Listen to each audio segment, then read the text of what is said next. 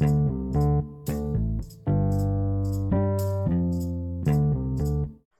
to live at Kapal Api Global Podcast. Senang banget ya bisa ketemu sama teman-teman di podcast ini. Oke, topik kita hari ini adalah building resilience. Jadi resilience itu adalah kemampuan untuk bangun dari keterpurukan alias tahan banting, ketangguhan, atau apalah you name it lah. Ya kita semua pasti tahu kalau life is beautiful. Apalagi setelah lebaran dapat THR, gimana nggak indah coba. Nah, tapi makna dari beautiful itu bukan berarti mulus terus, tapi naik turun. Banyak rasa ya kayak gado Ya kita tahu lah kalau hidup ini kan gak selalu sesuai sama yang kita harapkan. Kita maunya A, malah gak kejadian. Jadinya B. Gitu juga di masa pandemik nih. Kita semua awalnya udah set rencana nih, mau liburan, mau ngadain apa, tapi jadi ketunda. Ya tentu pastinya sedih dong rasanya. Pas lari terus jatuh, tentunya wajar ya teman-teman nangis terkadang juga wajar. Cuma pastiin pas jatuh itu kita jangan lama-lama, tapi kita harus bisa bangun. Nah, jadi resilient ini atau daya tahan yang kita bahas kali ini benar-benar diperluin nih oleh kita semua di situasi apa pun tanpa terkecuali. Karena kita tuh nggak bisa kontrol ya untuk selalu dapat good luck terus. Ada kalanya kita harus siap menghadapi bad luck. Nah, nah, nah. Kali ini kita akan belajar untuk lebih resilience dari pengalaman gestar kita, yaitu Kak Alwi Rinaldi. Kakak ini punya kisah yang menarik yang tentunya bisa kita semua. Jadi langsung persilahkan Kak Alwi Rinaldi. Yeay, silakan kenalin diri. Halo semuanya, halo Kak Stella. Halo, halo. Halo, ya perkenalkan uh, semua bernama Alwi saat ini bekerja di PT Fasrata Buana cabang Medan. Nah, posisi aku sih sebenarnya kayak podcast uh, season sebelumnya ya, bareng Kak bareng Kak siapa? Kak Liong ya. Hmm. Nah, itu lintas jurusan dan yang ntar bakal aku ceritain ke teman-teman. Posisi aku sebagai data analis. Ah. Tuh. Kalau dilihat tuh data anil eh sorry sorry sorry ini aku potong aja. Tat. Lanjutin okay. Kak, ada yang mau dilanjutin nggak? Enggak, enggak, lanjut. Hmm. Oke. Okay. Oke, okay. akhir-akhir ini kesibukannya lagi ngapain aja, Kak? Saat ini selain kerja, ya aku sesuai hobiku kan, uh, editing video, uh, desain dan lain-lainnya. Karena kan uh, aku juga punya TikTok ya, kakak pasti juga punya TikTok ya Stella ya. Tapi di TikTok itu muncul FYP-nya itu video-video uh, sinematik gitu.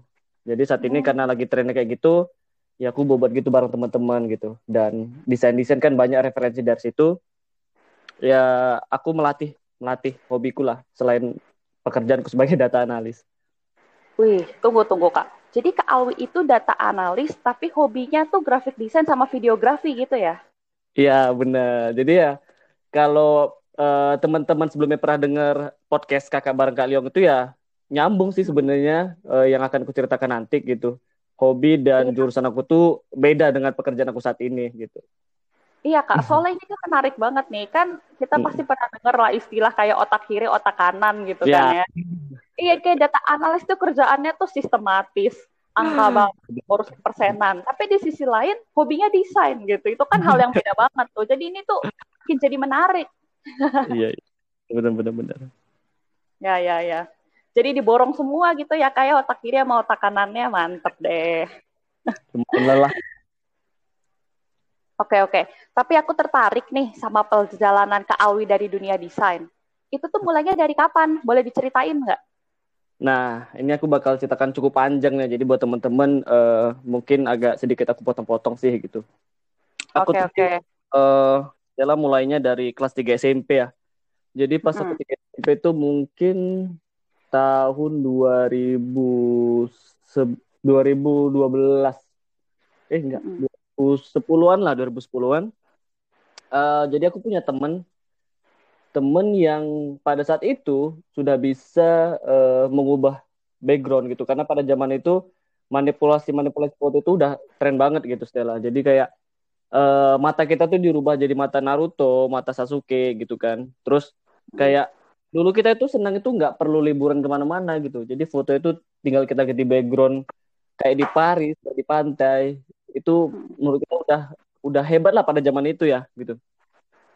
Jadi karena karena temanku tuh di rumahnya punya komputer dia belajar itu. Jadi kuliatin kok menarik gitu kan. Ya aku sih nggak minta ajarin gitu.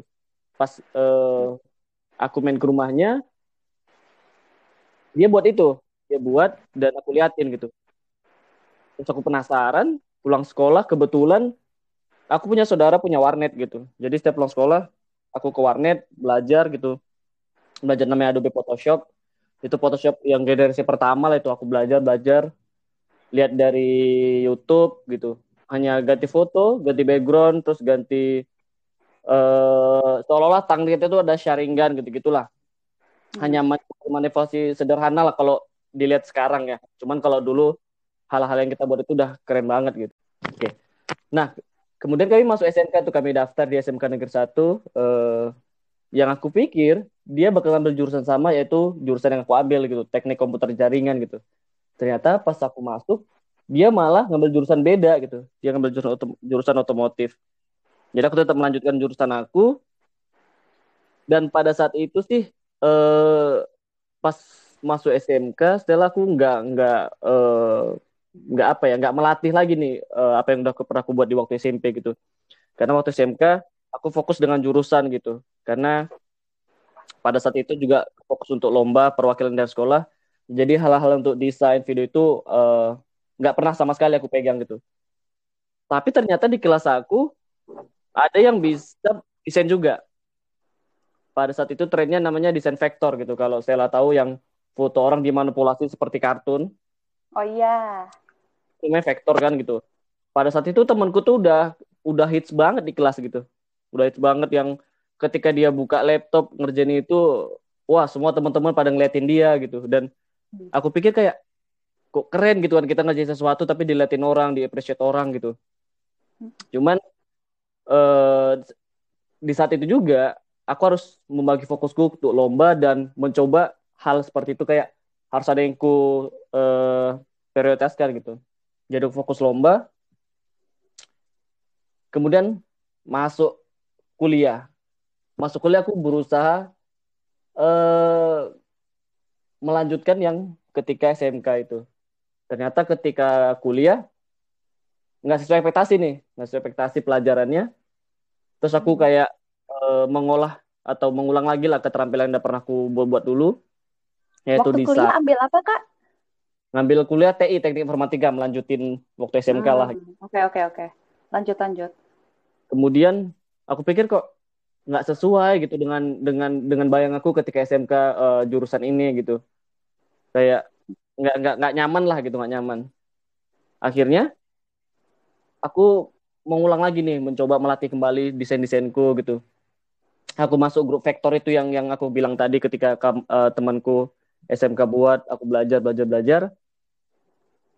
Sampai uh, aku desain foto teman aku gitu kan foto teman terus foto-foto artis gitu. Karena kan uh, cari terkadang ketika desain itu kan kita harus uh, apa namanya objek itu harus kita suka gitu terkadang kayak artis-artis yang kita suka kita di scan vektornya gitu. Nah setelah belajar itu banyak nih teman-teman gitu teman-teman aku kuliah kayak uh, buatin dong wi buatin dong wi gitu kan. Kan banyak sih teman gratis gitu banyak ya desain gratis lah dulu. Mm-hmm. teman-teman yeah. pada sambil melatih kemampuan kayak why not gitu kan. Yaudah deh kita buatin. Dan teman-teman pada suka sih gitu teman-teman pada suka. Pada saat itu ya aku rasa keren sih hasilku gitu karena teman-teman pada minta buatin. Terus terus melatih terus melatih kemudian aku pikir gitu kenapa nggak nggak kemampuan ini aku asah terus aku senang melakukannya aku jadikan uang gitu gitu. Karena kan e, kalau Stella pernah dengar lah pekerjaan yang paling menyenangkan adalah hobi yang dibayar. Setuju. Nah, jadi pas aku mikir kenapa nggak apa-apa yang aku buat ini aku hasilkan uang gitu sambil kuliah kita menghasilkan uang gitu karena kan berhubung aku masuknya malam ya. Karena kan eh, pagi sampai siang tuh aku kerja malam kuliah. Jadi sambil sambilan iya, lah gitu. kuliah tuh kerjanya ngapain kak? Pas kuliah aku kerja oh aku ganti-ganti setelah jadi pertama kali aku kerja tuh jadi admin. Jadi admin sales gitu hmm. gitu kan. Terus ya pernah jadi guru pernah jadi desainer grafis pernah jadi staff IT dan lain-lainnya lah gitu. Yang penting pekerjaan yang memang uh, aku mampu untuk be kuliah lah gitu Wih, berarti time managementnya pasti udah keren ya kali ya. Iya. gitu lah untuk bertahan demi kuliah kan gitu. Mantap mantap. Terus aku, aku pikir oh, kenapa nggak aku hasilkan uang aja ya tuh tambahan biaya kuliah gitu kan. Akhirnya uh, dengan trik trik ini sih yang aku ajarkan sampai sekarang ke uh, ke anggota ke adik-adikku trik untuk uh, memikat orang supaya pesan sama kita gitu. Jadi triknya adalah ketika teman aku minta buatkan vektor atau desain itu, aku posting di sosial mediaku, like itu uh, Instagram atau Facebook, captionnya aku buat thanks for order, udah gitu doang. Thanks for order, tiap upload thanks for order. Jadi ketika teman-teman atau teman-teman sosial media aku lihat, aku tuh punya jasa gitu, punya jasa uh, desain gitu kan. Tapi sedangkan kalau kita hanya upload karya nothing caption ya orang nggak mikir kita membuka jasa kan gitu. Jadi trik aku setiap ngupload apa pun yang aku buat pasti thanks for order thanks for order. Jadi satu persatu satu persatu ya alhamdulillah lah alhamdulillah bisa beli sesuatu gitu. Tuh teman-teman nah, dicatat ya triknya iya. supaya soft selling. Jadi ibaratnya kayak supaya nggak kelihatan ngejual banget dibuka jasa desain gitu. Mending thanks iya, for iya, order bener. gitu ya kak ya. Iya, tuh catat simple ya teman-teman. Bener bener jadi kita simple aja. Cuman uh, orang tahu gitu kan. Gitu sih. Oke lanjut lanjut lanjut terus uh, ternyata oh setelah itu ada tren nama desainnya uh, bisa setelah cari namanya WPAP, Wedas Pop Art Portrait. Itu hmm. adalah karya desain asli buatan Indonesia. Pencetusnya namanya Bapak Wedas. Itu itu Bapak Wedas, dia menciptakan karya seni yang namanya WPAP yaitu perpaduan warna. Perpaduan warna, foto kita di uh, dibuat beberapa warna dari yang soft color sampai hard color gitulah. Hmm. Kemudian itu lagi trennya tuh, itu trennya. Aku pikir kenapa nggak aku coba belajar juga gitu coba belajar ngikuti zaman pada saat itu ya. Karena pada saat itu vektor sempat aku tinggalin untuk beberapa tahun untuk beberapa bulan lah aku fokus untuk buat WPAP itu. Dan ada sedihnya sih setelah ada sedihnya.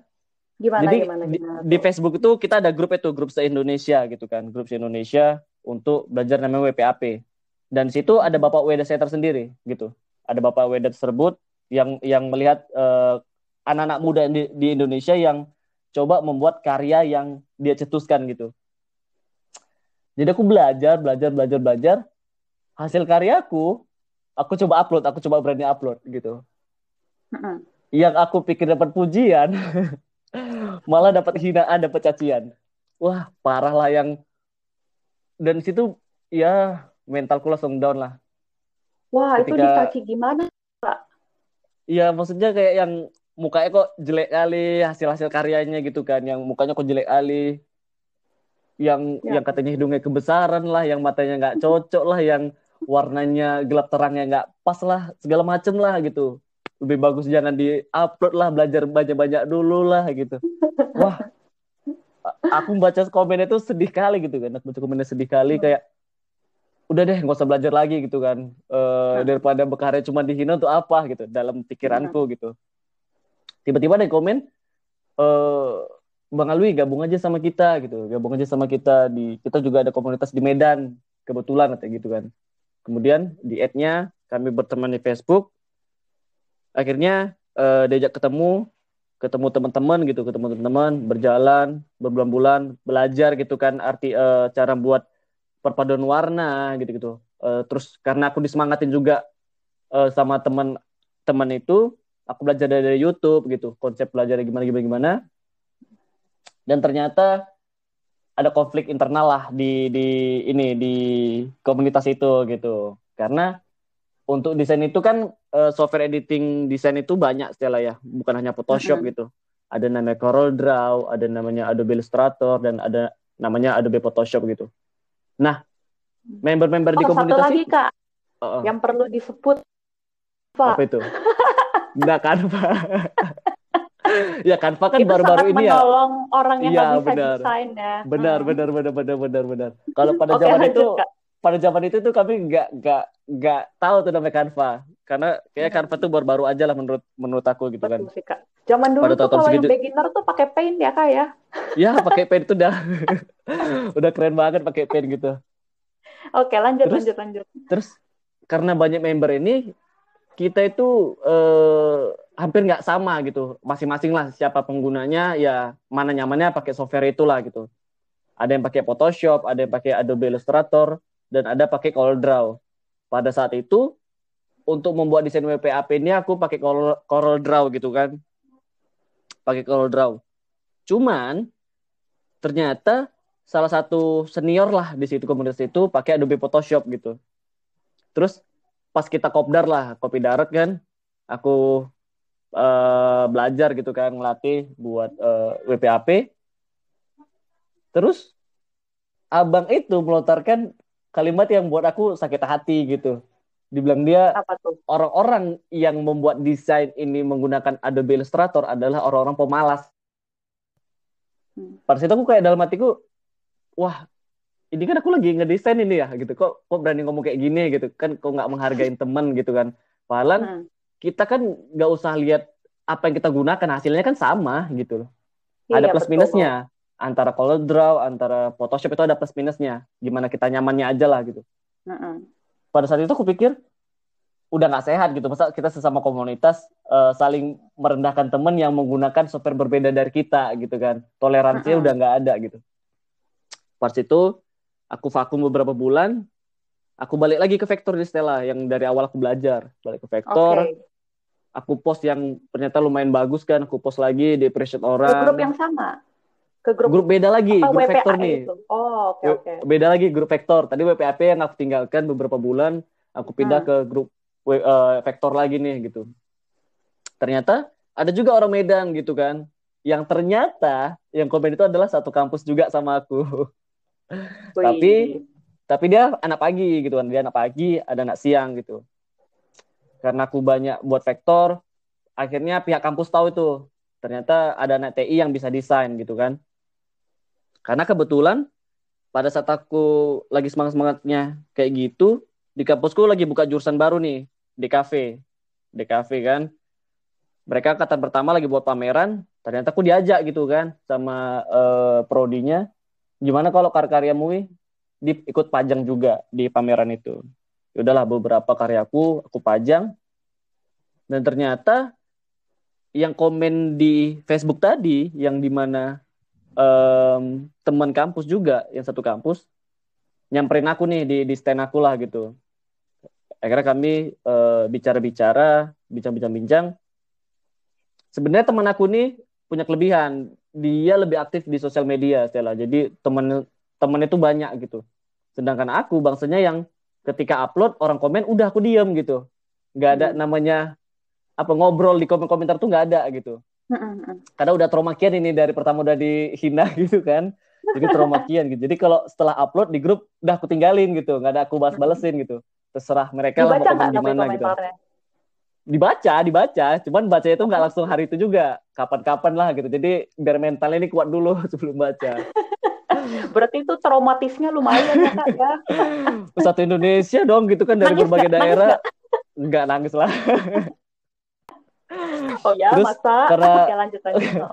Oh. karena temanku ini cukup banyak gitu eh, teman-temannya di sosial media dia ngajak aku gitu kayak eh, wih gimana kalau kita buat komunitas vektor yuk di Medan gitu kan karena untuk desain vektor ini Stella di kayak di Makassar Semarang itu bahkan sama pemerintah itu dihargain gitu bahkan di Makassar atau Semarang gitu gubernurnya itu eh, nyewa gedung ya di mana gedungnya itu udah untuk eh, anak-anak muda situ yang berkarya dan bebas kapan saja mau ke situ gitu. Dikasih wifi dikasih listrik gitu.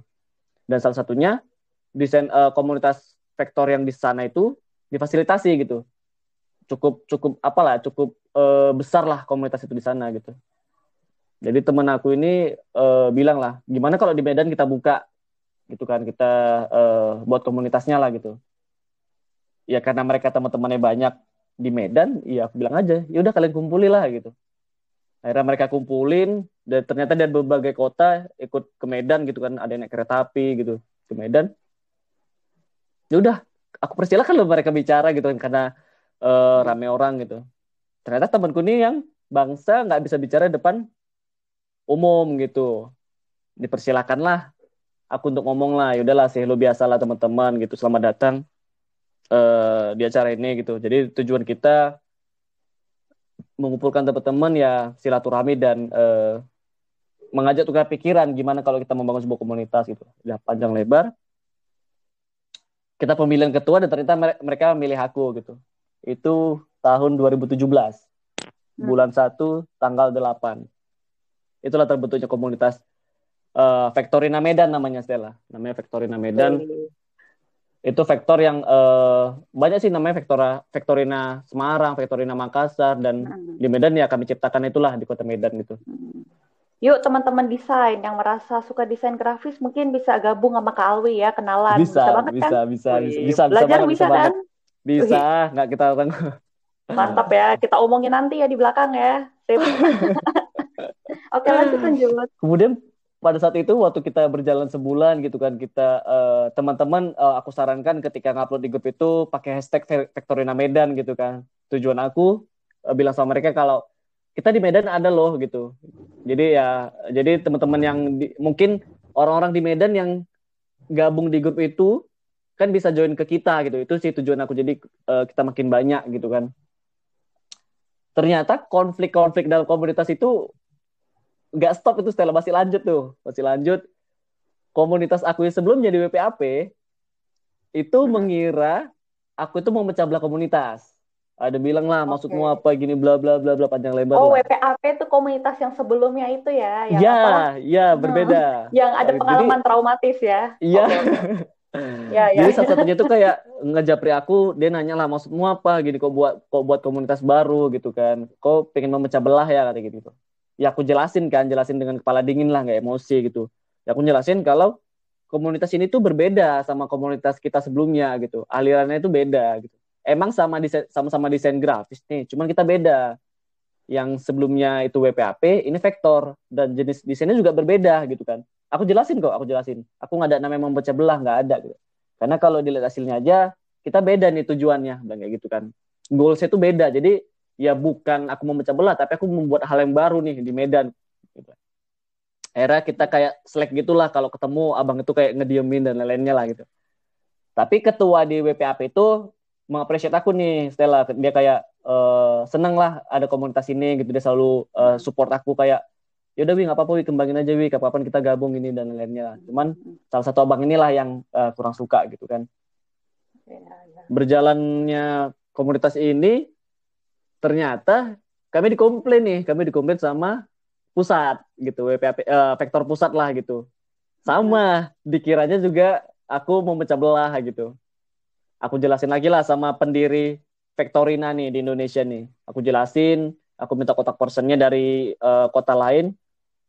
Aku katakan kalau ini tuh bukan buat baru, tapi kami kayak anak cabang kalian. Aku jelasin kayak gitulah gitu kan. Hmm. Karena kan uh, di kota ini ada di kota ini ada kenapa di Medan nggak ada gitu. Jadi tujuan aku tuh bang kayak ngajak anak-anak Medan ini untuk gabung di komunitas kami gitu. Tetap kok uh, abang pendirinya gitu. Teman-teman kalian lah pendirinya gitu. Kami anak kalian lah gitu. Cuman untuk Medan aku yang mewakili sebagai ketua gitu.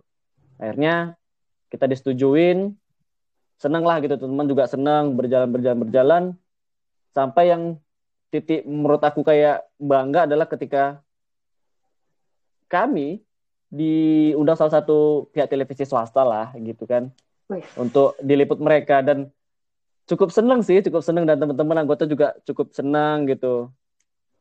Kita setidaknya nih kita ternyata selama ini dilihat gitu kan. Walaupun ya pameran-pameran kecil kayak di sekolahan kayak di uh, lapangan merdeka di kota kami gitu. Ternyata dia melirik dari jauh dan mengajak kami gitu sih. Gitu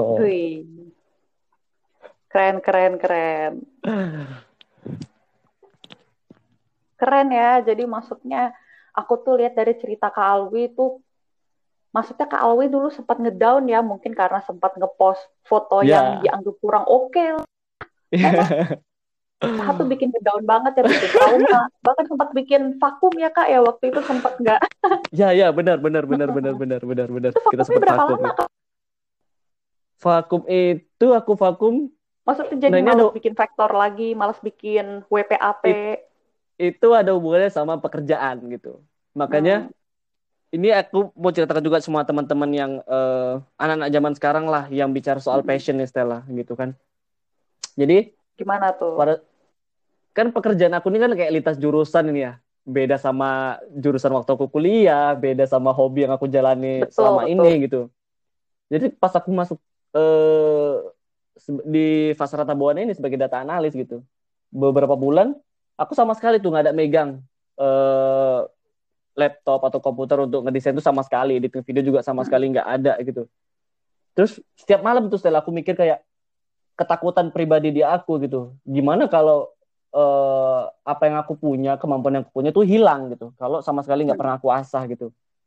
Hampir setiap malam uh, aku mikirin itu gimana gimana. Cukup sedih sih gitu. Aku cerita ke atasan gimana uh, soal kemampuan aku ini gitu kan. Harus ada yang aku pilih lagi gitu. Hmm. ternyata pas uh, di saat aku sedih gitu buka Twitter dong aku. Buka Twitter ada yang nge-tweet ini. Nge-tweet kata-katanya bagus sekali gitu. Kata-katanya kasar cuma menurut aku ada hal positif.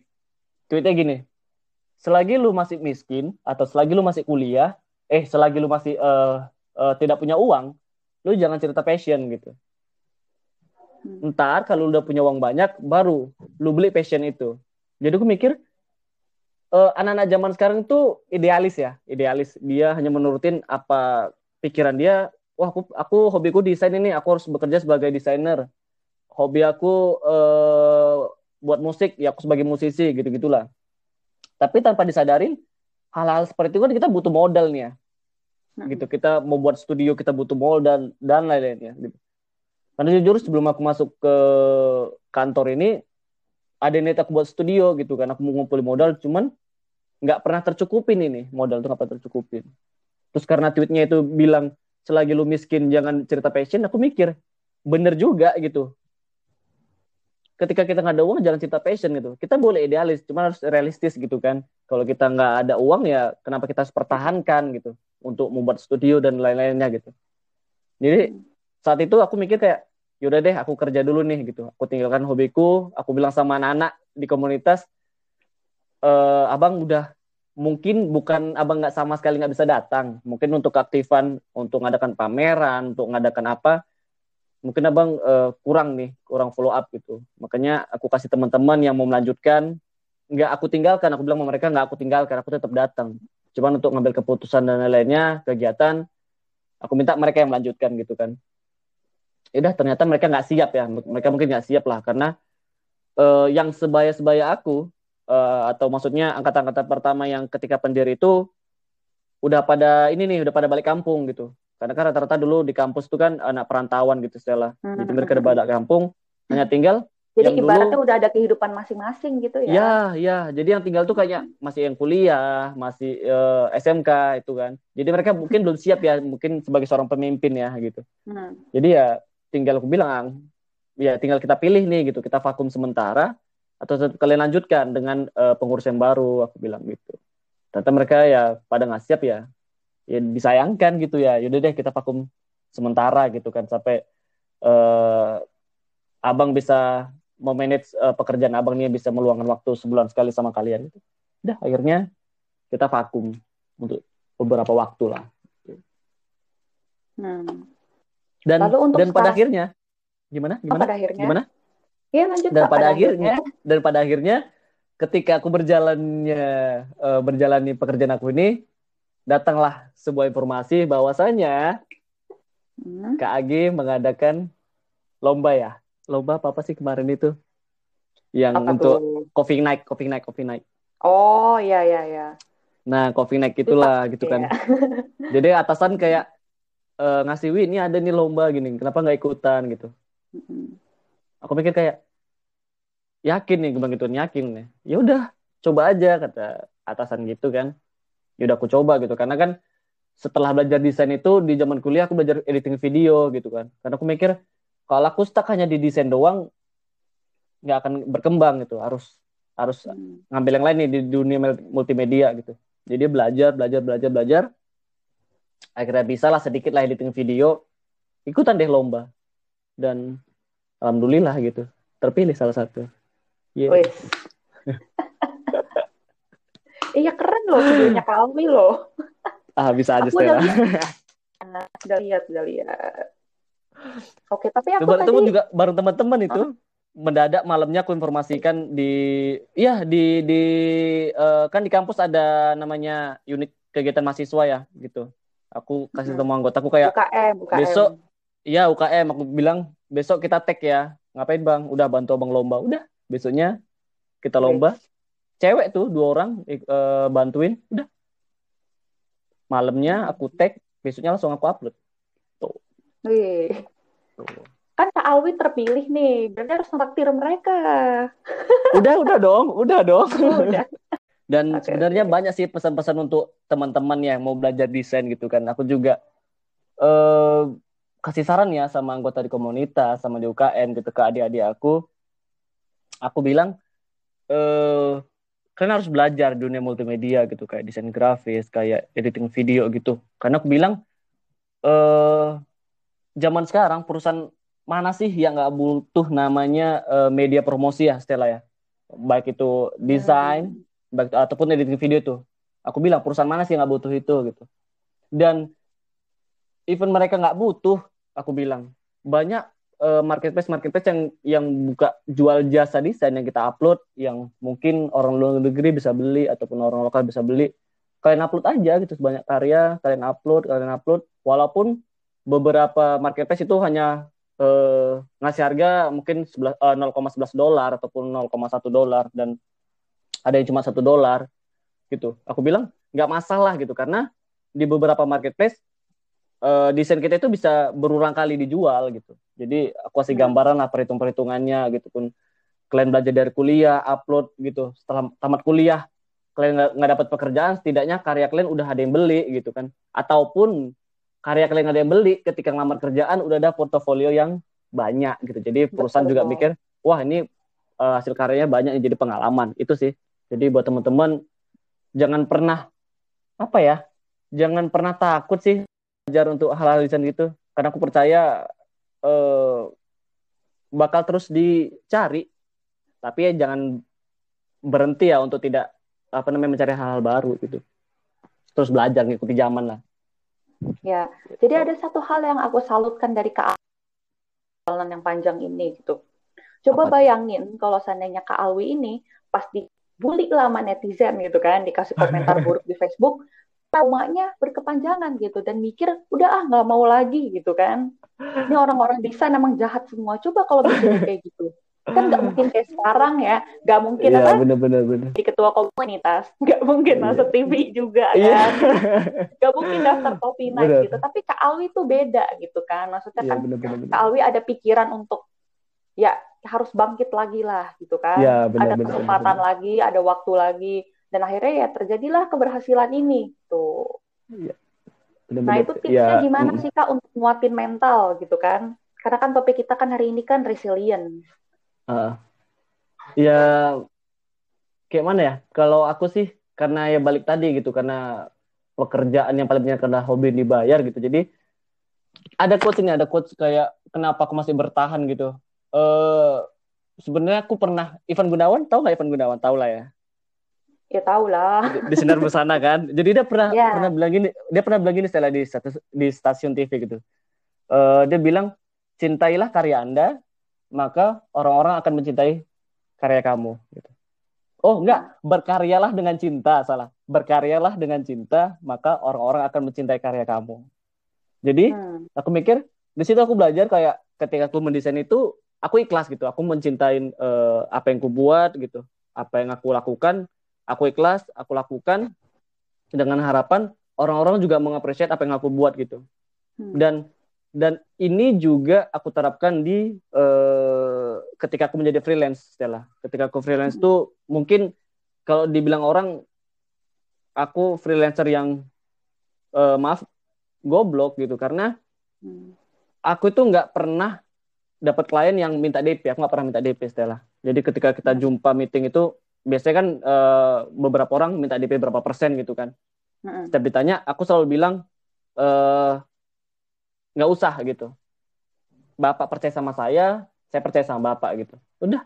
Walaupun beberapa kali sering ditipu, cuman aku mikir kayak ya udah deh gitu. Aku mikir cuma awalnya itu aku memperbanyak network dulu nih setelah kita banyak network, maka langkah kita ke mana pun gampang gitu. Gitu sih. Makanya alhamdulillah selama kuliah itu banyak freelance, banyak klien ya dari situ sih aku modal percaya sih sama orang walaupun sering ketipu berapa juta kayak ya udah deh belum rezeki Waduh. namanya kan terus ya, network ya, tuh penting hmm. Hmm.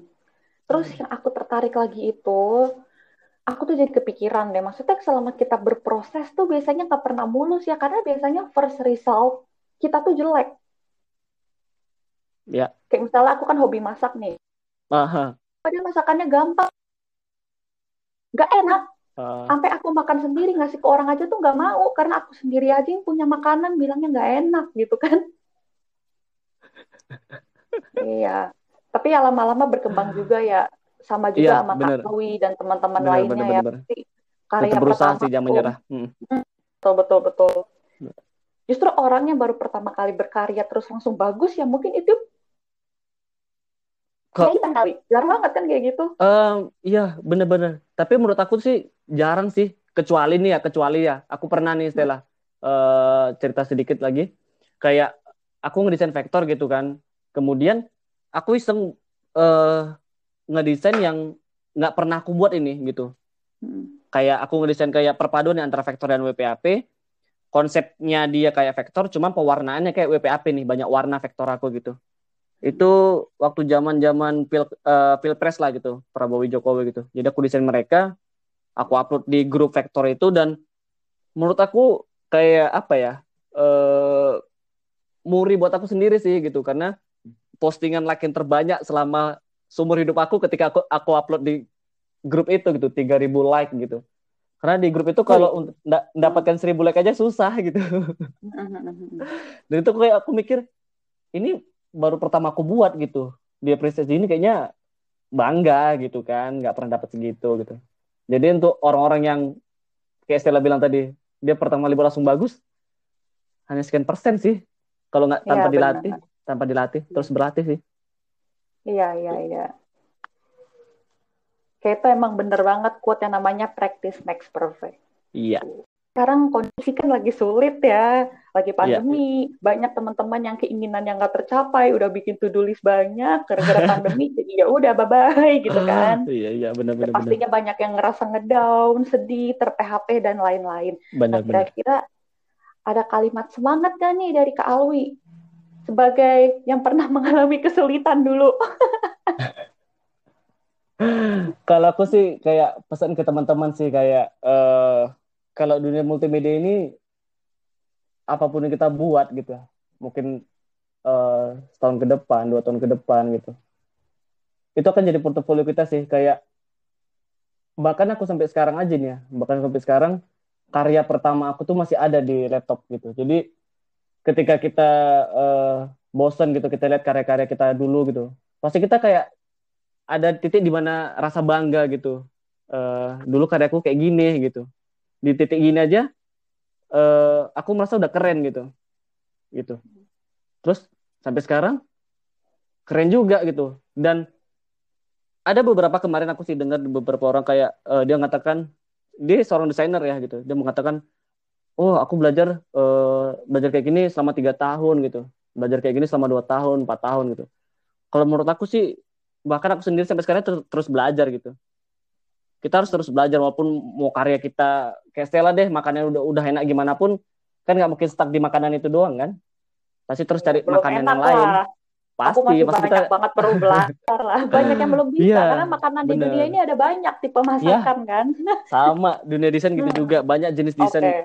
ketika yeah. kita hanya satu paham satu desain kita harus belajar dan lain-lainnya hmm. gitu. Kayak um, dulu aku belajar vektor WPAP siluet dan lain-lainnya mungkin ke sini ada namanya UX kan untuk uh, platform baik itu Android ataupun mobile oh, ataupun iya, desktop. Iya. Itu pelajarin juga gitu, sharing teman-teman, sering sharing ke anggota, informasikan bahwasanya itu ada jenis desain baru nih gitu. Ya nyatanya sekarang mereka lebih jago dari aku. Ada yang kerja di startup. Wah, bangga sih. Oke, Kak. Lalu kira-kira ada pesan lagi untuk teman-teman? Kalau untuk teman-teman yang ya, lagi dengerin aku, podcast ini nih. Iya, uh, jangan bersedih sih gitu kayak di masa pandemi gini gitu. Terus kita terus belajar aja, terus uh, apa yang kita bisa terus lakukan aja gitu. Karena kayak semua tahu lah gitu, uh, keberhasilan kita itu semua butuh proses gitu. Jadi jangan karena pandemi, jangan karena mungkin klien kita udah nggak ada ataupun uangnya masuk kita sedikit gitu, terus kita langsung down, langsung nggak mau belajar gitu. Terus aja belajar, percayalah eh, kerja keras kita akan menuai hasil yang bagus sih. Ya benar sih. Semangat buat teman-teman, semangat. Kan, hmm, ini kan eranya sosmed ya pasti banyak ya. netizen ya. bertangan jahil gitu kan. Ya. Dan itu kita nggak bisa kontrol dia komentar ya. apa. Ya. Jadi kalau komentarnya memang nggak berkenan di hati, ya udah jadiin bensin aja gitu ya, bahan ya. bakar hmm, semangat bener-bener. gitu ya. ya. Hmm. Gak usah Terus tunjukin sih kalau kita itu punya kemampuan itu aja sih. Tunjukin ke orang kalau kita itu punya kemampuan gitu. Itu aja. Lagi rame itu banyak yang youtuber bilang tuh, buktikan dengan karya. Aku lupa siapa yang ya. bilang. Ya. Hmm. Bener bener bener bicara dengan karya. Oke, sip Kak Alwi. Nah, teman-teman, jadi uh, sebenarnya itu aja ya podcast kita hari ini. Jadi teman-teman, semoga podcast ini bisa menginspirasi kita semua ya, jadi pribadi yang lebih tangguh, tetap berdiri kokoh walaupun badainya kenceng di luar sana. Yeah. So, thank you banget Kak Alwi ya udah mau Sama-sama. berbagi di live at KAG Podcast ini malam-malam loh kita rekamannya lagi hujan. Makanya kalau teman-teman ya? suara geledek-geledek, Jakarta lagi, lagi badai. Hmm, Medan gimana? Yeah. Medan aman, Medan aman. Saat ini Medan aman. aman. Ya. Aman aman. Keren nih kak. Aduh. Oke oke. Oke. Oke, thank you juga nih untuk teman-teman yang sudah mendengarkan podcast ini sampai selesai. Jadi sampai jumpa di podcast live at KAG yang selanjutnya yang nggak kalah menarik. Bye bye semuanya. Bye bye. Terima kasih Stella.